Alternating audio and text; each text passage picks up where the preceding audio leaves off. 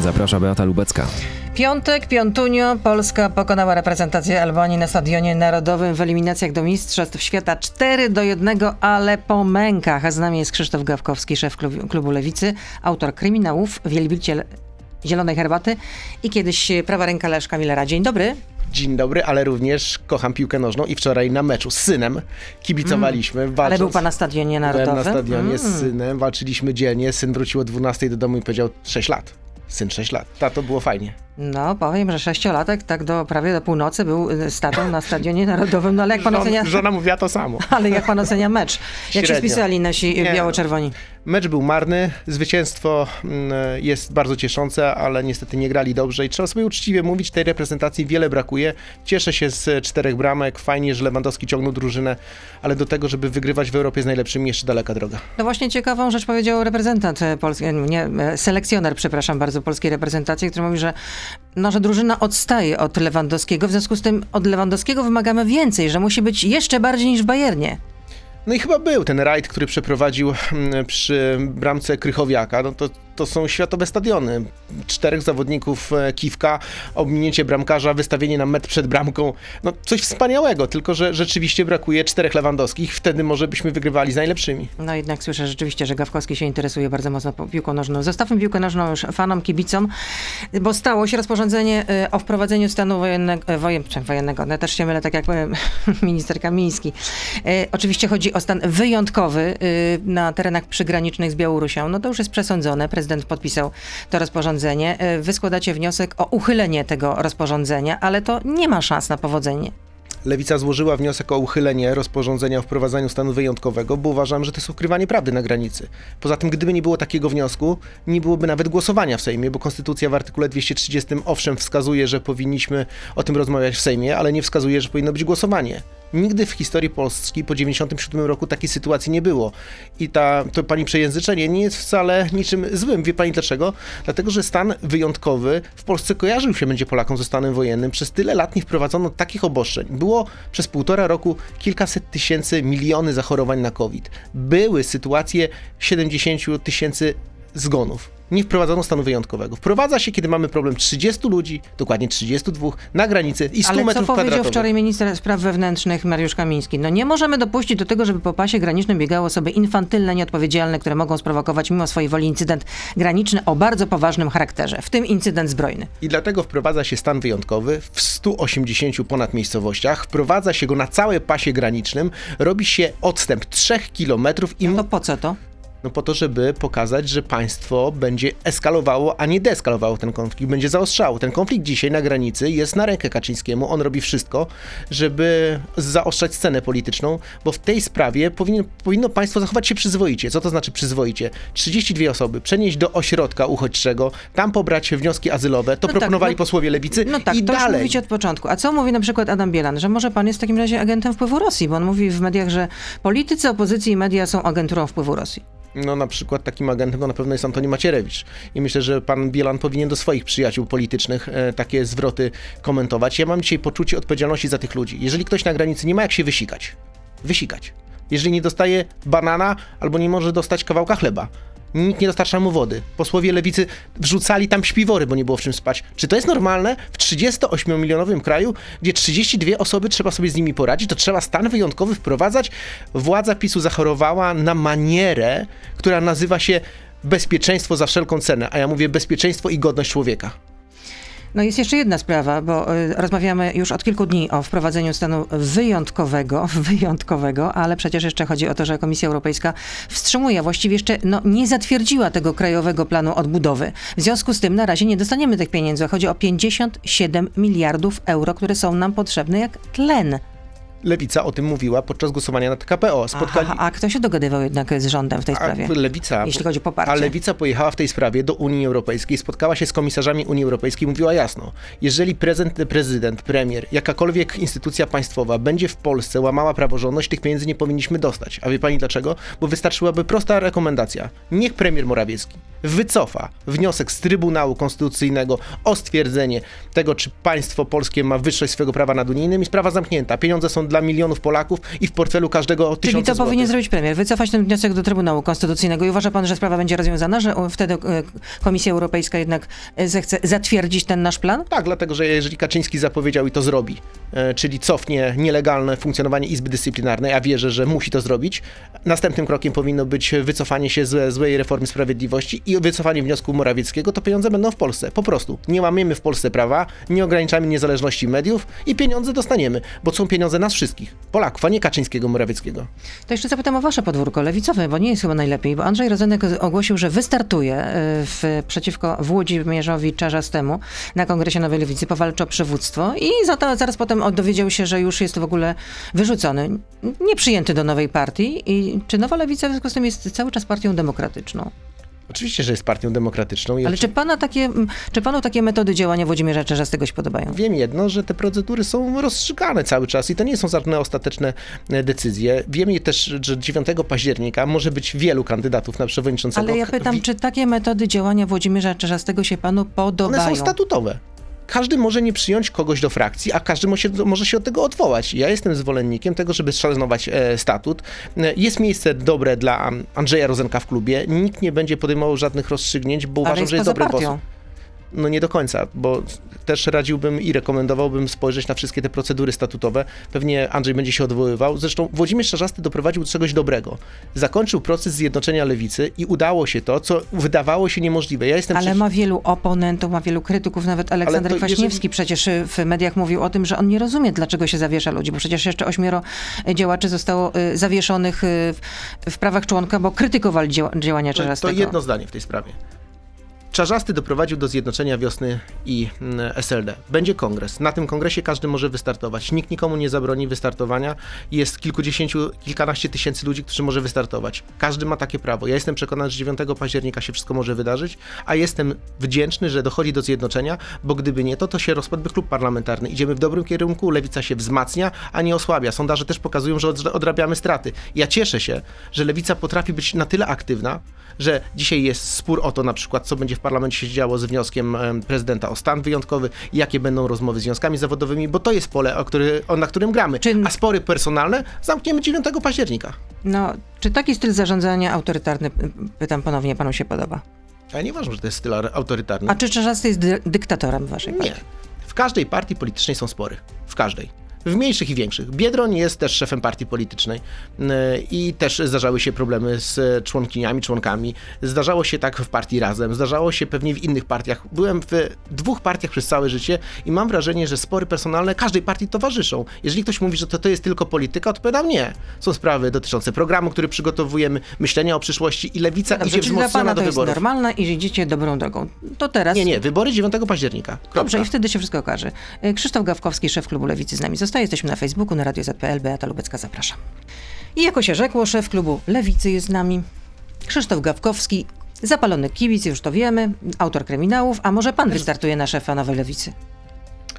Kandydaci i kandydatki będą się zgłaszali pewnie do samego końca. Kto będzie startował, jestem przekonany, że okaże się na początku października. Ale może pan wystartuje, nie chce pan? Mogę wystartować. 41 lat, w kwiecie wieku, Ale dynamiczny, oczywiście. Wygadany, Każdy chciałby i ma ambicje. bystry. No to... Ale pani mi miło tutaj powiedziała, ale znam też swoje ograniczenia i wiem A doskonale. jakie to ograniczenia? Różne ograniczenia dotyczące chociażby tego, że chcę trochę czasu poświęcać rodzinie. Yy, I uważam, że to też jest ważne, bo w życiu polityka nie tylko polityka powinna się liczyć, ale również życie rodzinne. Ale może to jest właśnie ten czas, ten moment, bo to jest bardzo jest. ważne, żeby no timing w polityce, zresztą tak jak w wielu innych dziedzinach, bardzo ważny, o czym przekonał się Rafał Trzaskowski. Mógł mieć platformę, nie ma platformy. Dlatego myślę, że te decyzje Chodzi wszyscy kandydaci na i kandydatki na szefów będą podejmowali e, w ostatnich tygodniach. Każdy może to rozważać. Wiem, że jest dzisiaj w partii wiele osób, które myśli o swoim starcie, ale to nie zmienia sytuacji, która dla lewicy jest dobra. Jestem przekonany, że wieje wiatr zmian w Europie dla lewicy i w Polsce. Na przykład e, niemiecka SPD wy- zaczyna wygrywać w sondażach. Wskazuje wszystko na to, że będzie zmiana kanclerza na lewicowego w Niemczech. Ja bym powiedziała, że to zaledwie wiaterek. Tak, ale gdy, ale gdy patrzymy na 2015 rok i zobaczymy, że jak lewica nie weszła do parlamentu, PiS rządził samodzielnie, e, a gdyby weszła, nie rządziłby, musiał mieć koalicjanta, to dzisiaj odpowiadam, jeżeli szukamy odpowiedzi, jaka Za to, że będzie, lewica wtedy nie weszła do parlamentu, to można podziękować Zandbergowi. gdybyśmy w 19, w 2015 nie weszli do, weszli do parlamentu, inaczej wyglądała scena polityczna. A dzisiaj, ale, ale jedno zdanie do dzisiejszego mm, tematu i przyszłości roku 2023.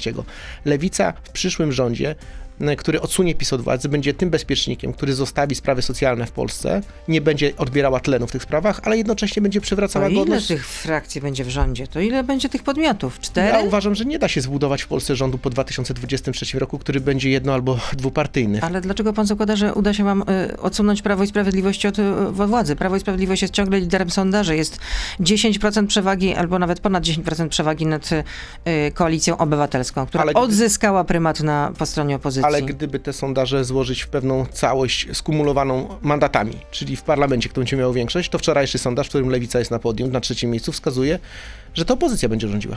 I co, jakoś specjalnie się ucies- ucieszyliście, że prze, przeskoczyliście Hołownię?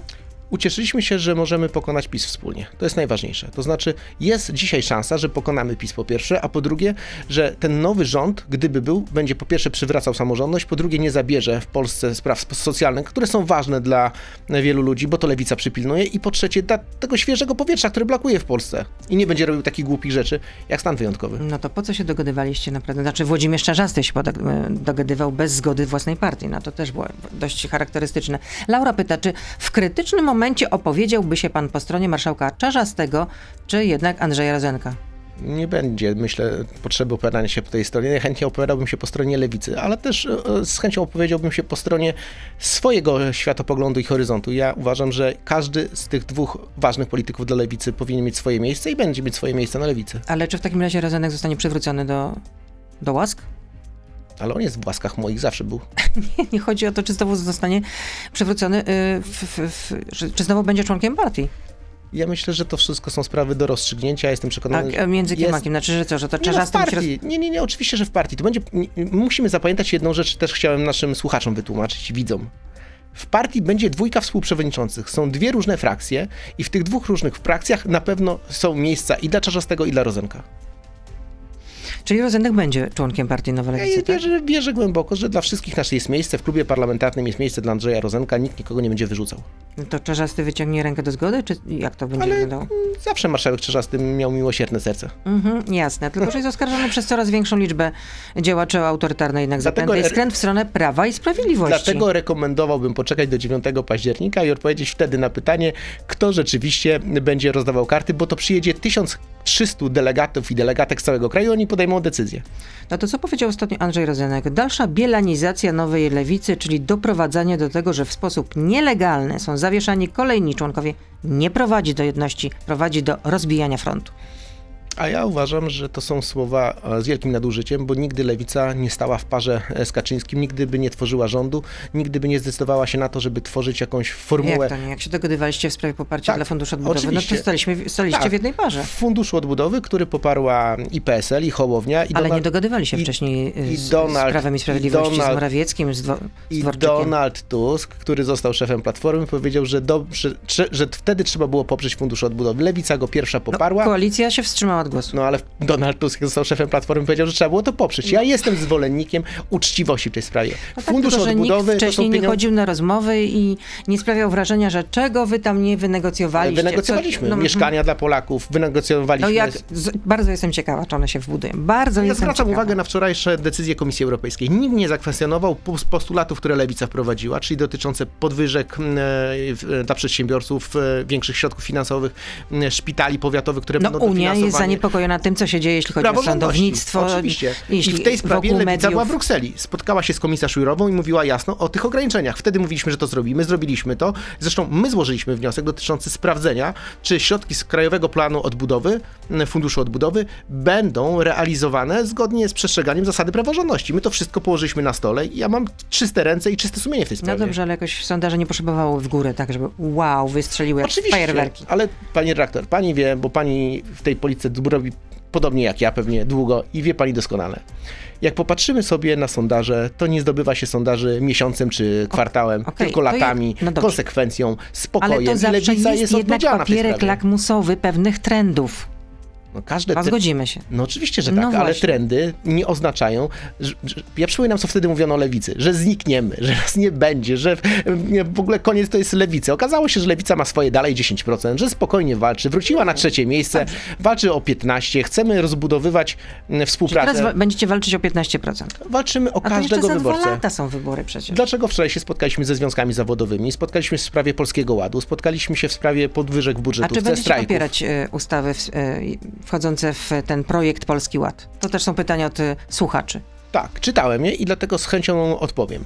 Wczoraj mieliśmy spotkanie z ponad 30 organizacjami związkowymi, na czele z centralami związkowymi OPZZ i Forum Związków Zawodowych. Wysłuchaliśmy stron, które się mówiły jasno, niektóre, że nie powinniśmy poprzeć Polskiego Ładu, bo on ogranicza pieniądze w kieszeni obywatela. Z I drugiej, jakie wnioski? Poprzecie czy nie poprzecie? nie ma ostatecznie kształtu ustawy.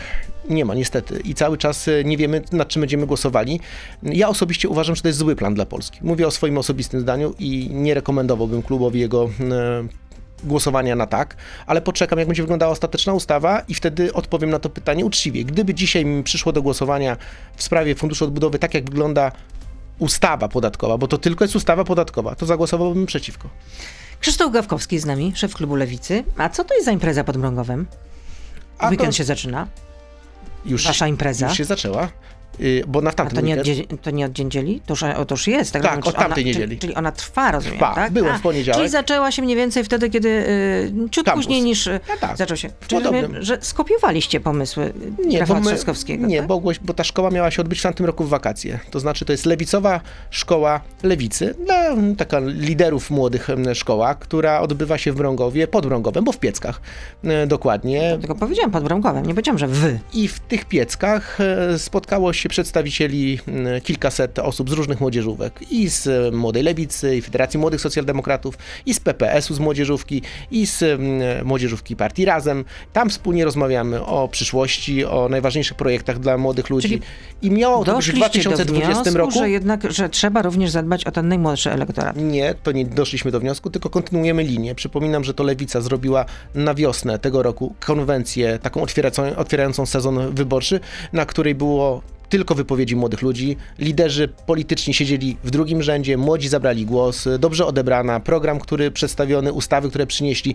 przez Lewicę dzisiaj zgłaszane. To jest kontynuacja, kontynuacja tego i to będzie szkoła, która odbywała będzie się co roku. Zdaje się, że chyba nadciąga już czwarta fala, tak można powiedzieć, tak, Tak myślę. patrząc na y, y, coraz większą liczbę zakażonych i na ten postęp, y, jeśli chodzi o liczbę y, zakażonych, czy powinno się w takim razie wprowadzić ograniczenia dla osób niezaszczepionych, żeby na przykład nie mogły wejść do supermarketu, do, y, nie mogły skorzystać z hotelu, nie mogły wejść do restauracji, do kina? Może panią zaskoczę, ale uważam, że tak. Znaczy, jestem głęboko przekonani, przekonany, że ludzie, którzy się nie szczepią, działają wbrew interesowi społecznemu. To znaczy, szczepienie dzisiaj powinno być takim logicznym obowiązkiem każdego, który chce dbać o zdrowie bliskich, rodziny i tych, których nie zna, ale spotyka się na ulicy. Jeżeli przyjdzie stan lockdownu, to ja wesprę na pewno to, co mówił minister Niedzielski, że powinny być wprowadzone ograniczenia dla osób niezaszczepionych. To Ale znaczy, czwarty lockdown to już po prostu pogrąży naszą gospodarkę. No ale jeżeli będzie 20 tysięcy zachorowań, 15 tysięcy, to pani wie i ja wiem i, i warto, żeby nasi też słuchacze i widzowie wiedzieli, będzie lockdown. I No, ale wtedy ktoś musi... Z tego co pamiętam, chyba około 18 milionów, ponad 18 milionów Polaków jest zaszczepionych podwójną dawką, tak? Czy Ale nie, jest druga połowa. A to oznacza, że jakaś część społeczeństwa będzie chorowała i będzie w szpitalach i będzie wielkie obłożenie służby zdrowia. Więc ci, którzy się zaszczepili, powinni niestety, według mnie, mieć ograniczenia, na przykład takie, że nie będą mogli pójść do kina, nie będą mogli pójść do Ale czy to nie jest dyskryminacja? Nie, nie uważam, że to jest dyskryminacja, bo każdy w tej sprawie ma wybór. Można się zaszczepić, można się nie zaszczepić. Jeżeli nie chcesz korzystać z pewnych radości życia, na przykład chodzić do kina, wolisz siedzieć w domu, no to wy... No nie, no, ale może dojdzie do tego, że nawet nie będzie można wejść do sklepu. Nie, tak głęboko nie idziemy. Ja mówię o pewnych przyjemnościach, które korzystamy. Kina, Czyli imprezy teatry. masowe, Tak, oczywiście. I osoby niezaszczepione restauracje, restauracje hotele, nie tak? powinny z tego korzystać, dlatego że to jest jednak odpowiedzialność zbiorowa za pandemię i ktoś, kto się nie zaszczepił, jest współodpowiedzialny, że mamy większą, czwartą falę możemy mieć. A to nie jest jednak o jeden krok za, za daleko, ponieważ, e, jak mówił ostatnio minister Niedzielski, zaszczepienie według niego będą sprawdzać organizatorzy wydarzeń lub właściciele restauracji. Będą mieli prawo sprawdzać paszporty czy certyfikaty covidowe. no ktoś musi je sprawdzać. To znaczy, jeżeli wyobrażam sobie restaurację, e, która miałaby działać albo nie działać. Ale Konfederacja się burzy, że to jest Ale jednak... Konfederacja niech się burzy, to oni też przypominam, niech się to jest- nosić masek. Jak e, w Sejmie wszyscy nosili i namawiali społeczeństwo, żeby ich nie nosić, mówią, że antyszczepionkowy ruch jest wspaniały, co, co to jest dla mnie abstrakcją. Wrócę do tej restauracji, bo na jakimś przykładzie trzeba operować. Mamy restaurację. Ten restaurator ma wybór. Będzie otwarty, ktoś do niego będzie przychodził, albo będzie zamknięty, bo jest lockdown. No to jeżeli ja mam mu powiedzieć, podaję ci rękę, to mówię, będziesz mógł mieć ludzi w restauracji, którzy są mm, zaszczepieni i będziesz zarabiał, dalej funkcjonujesz i jakoś przeżyjesz, albo masz czwarty lockdown, nikt nie przychodzi. Myślę, że restaurator też wybierze tych, którzy są zaszczepieni, bo chce żyć.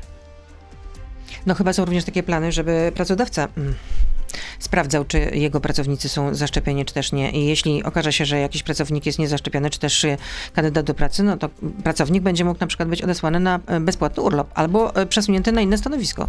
Rozumiem te przepisy, tylko ich nie znam, bo przecież No razie- nie ma ostatecznych kształtu, ale wyobrażam sobie sytuację w na- restauracji, w której sprawdzani są ludzie, którzy przychodzą do restauracji i z niej korzystają, no to wyobrażam sobie, że warto by było też sprawdzić tych, którzy przygotowują jedzenie, czy oni też spełniają te warunki sanitarne. Dla mnie to jest, jedno z drugim się łączy. Pytanie jest do pana. Robert B., ale chyba to nie Biedroń. A, nie Czy- wiadomo. Zobaczymy, co pani przeczyta. Czy pan Gawkowski popiera apel Konfederacji o odwołanie profesora Horbana? Nie. Dlaczego nie? No bo jeżeli miałbym e, popatrzeć, dlaczego chce odwołać go Konfederacja, to znaczy chce go odwołać za pewien status obostrzeń, o których on mówi. No, że nie gryzie się w język, że mówi to, co mówi. No, ale mów- Konfederacja uważa, że to jest sposób arogancki.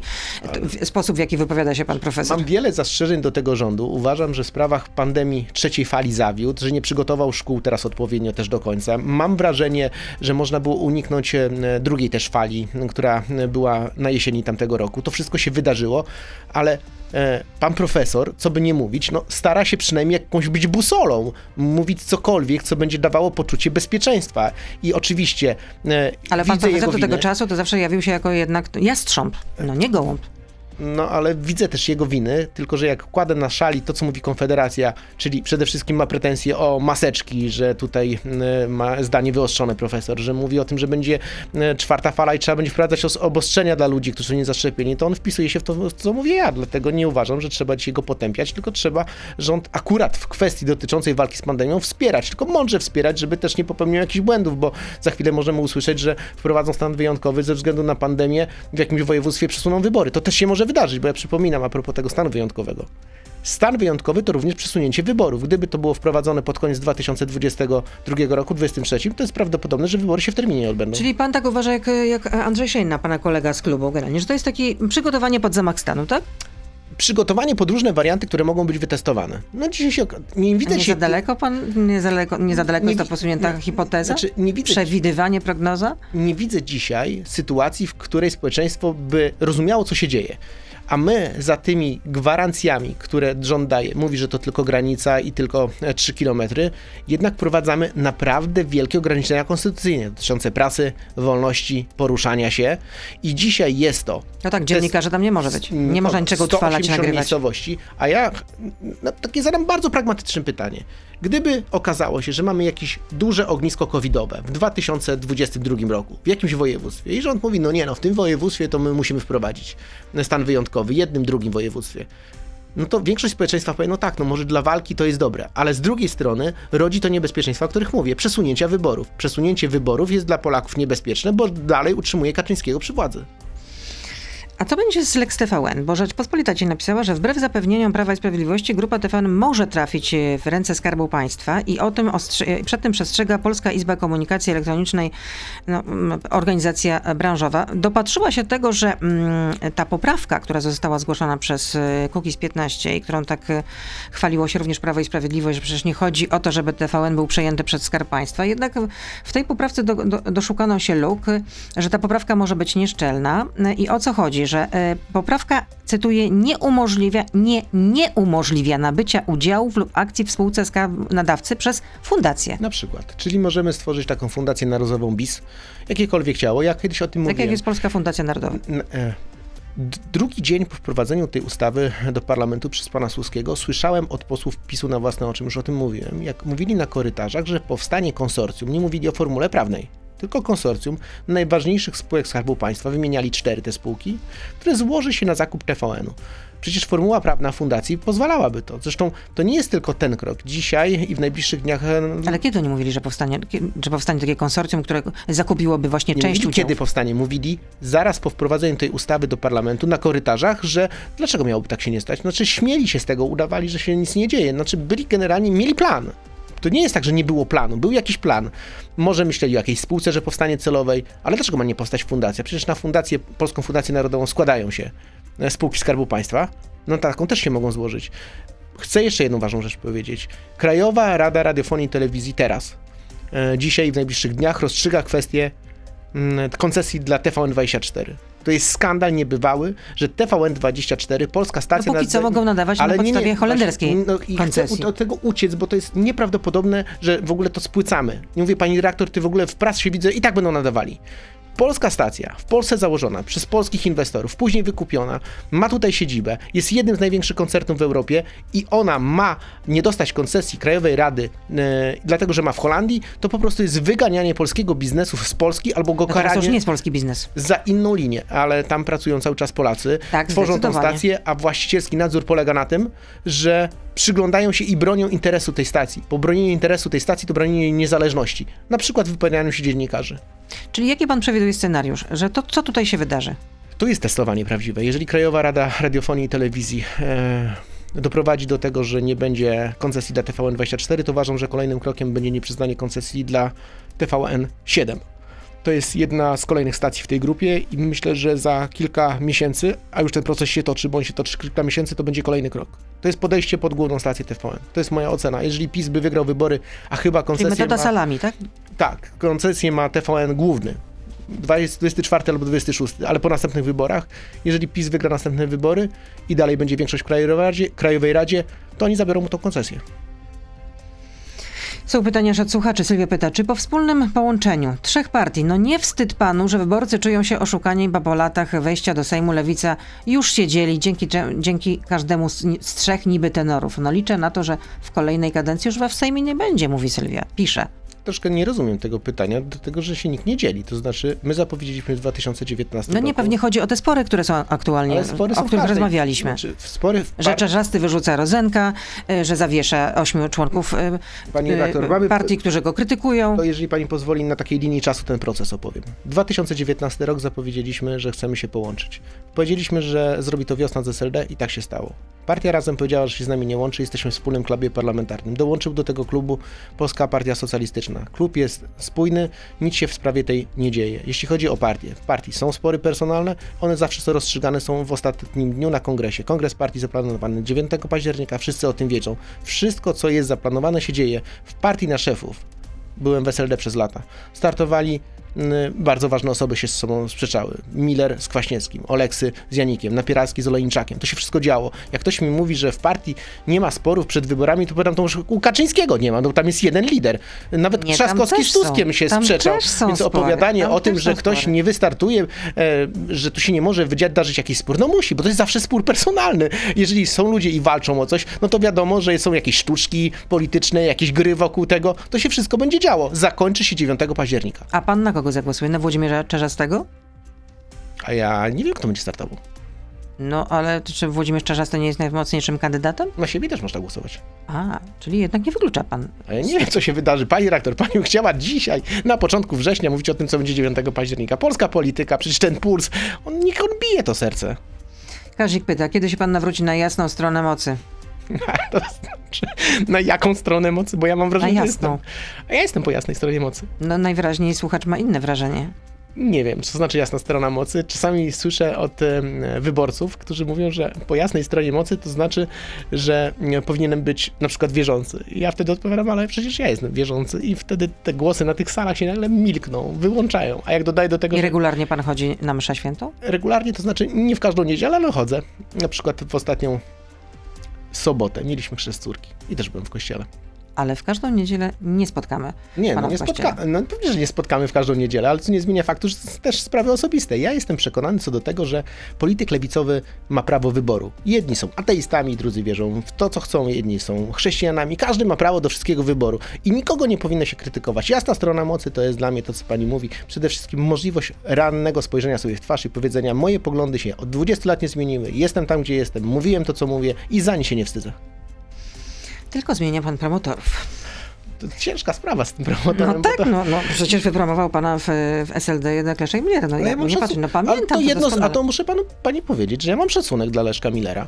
E, zawsze go miałem i nigdy go nie straciłem. Szkoda, że go nie ma w partii. Nie rozumiem niektórych wypowiedzi dzisiaj moje, mojego byłego szefa dotyczących lewicy, bo uważam, że powinniśmy w takich sprawach być zgodni, bo lewica to jest nasz wszystki dom i jest miejsce i dla Belki, i dla Millera, i dla Czarzastego, i dla Kwaśniewskiego i wszyscy powinniśmy być po tej stronie, bo ta przecież lewicowa struktura społeczna wynosiła między innymi pana premiera Millera do władzy, ale wiem jedno, że o swoich kolegach trzeba mówić dobrze i ja o wszystkich mówiłem dobrze. Zresztą muszę do tej grupy dołączyć świętej pamięci Józefa Oleksego, którego też bardzo dobrze wspominam.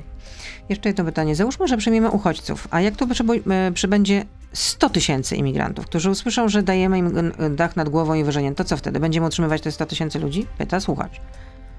To ja odpowiadam naszemu słuchaczowi w dwóch falach. Po pierwsze, z Polski emigrowało przez dziesiątki lat o wiele, wiele więcej osób niż 100 tysięcy. Podczas II wojny światowej Iran przyjął Polaków 100 tysięcy, 113 tysięcy, jeżeli się nie mylę, to może mógłbym przekładać, ale ponad 100 tysięcy Polaków.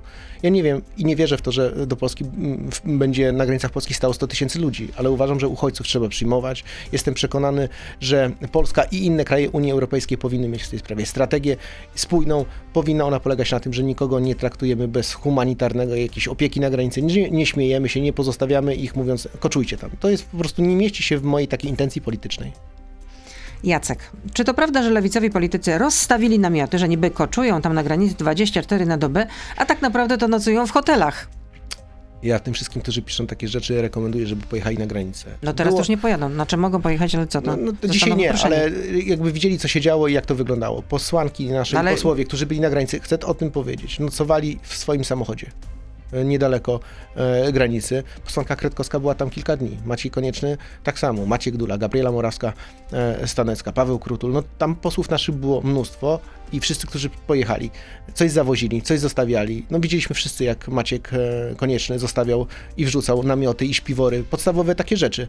Więc e, jeżeli ktoś mówi i trochę tak to zrozumiałem, tak prześmiewczo, że tam koczowanie jakichś polityków na granicy, to znaczy, że nie rozumie tego, jak ci ludzie tam trudno mają na tej granicy. Oni dokładnie, wczoraj mieliśmy spotkanie z Fundacją Ocalenie w Sejmie, gdzie przedstawiciele fundacji pokazywali nam, że te namioty zgodnie z GPS-em stoją dokładnie na granicy. Znaczy w środku jest namiot.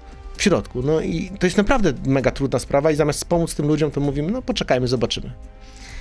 Wielu polityków lewicy ma zaimki o opisie profilu. Pan nie ma. Czy nie boi się pan misgenderowania? Nie. Może wyjaśnijmy, co to jest misgenderowanie, bo nie wszyscy muszą powiedzieć. Używanie nieprawidłowej formy osobowej, czyli na przykład używanie męskich końcówek w czasownikach dla osoby, która identyfikuje się jako kobieta lub odwrotnie. Nie. Ja jestem e, człowiekiem, który ma szacunek dla wszystkich i zawsze go miałem. E, Myślę, że też wyrażałem to bardzo jasno i w swoich książkach, e, tych politycznych, i w swoich wypowiedziach przez lata. Ja uważam, że każdego człowieka trzeba szanować. Nikomu nie można podstawiać nogi ze względu na wyznanie, na płeć, na to, jaki ma status społeczny, cokolwiek. Czy jest pan za tym, żeby osoby transseksualne mogły wchodzić do damskich toalet? Nie, nie, nie mam w tej sprawie opinii jakiejś głębokiej, bo się nigdy nad tym nie zastanawiałem. No to niech się pan teraz zastanowi. Teraz się nie zastanowię. A dlaczego? no niech pani redaktor mi wybaczy, bo to jest chyba sprawa, która e, no, nie czuję w ogóle problemu takiego w Polsce, że jest jakiś taki społeczny problem. Pierwszy raz zresztą zadaje mi ktokolwiek takie pytanie. Ale jednak ludzie się nad tym zastanawiają i, No tak, to ja też się zastanowię. i takie pytania przedpadają już w, w przestrzeni publicznej. No ale rozumiem, że pan ich nie słyszał. Krzysztof Gawkowski. Coś pan się jeszcze do, chciał dodać? Do widzenia.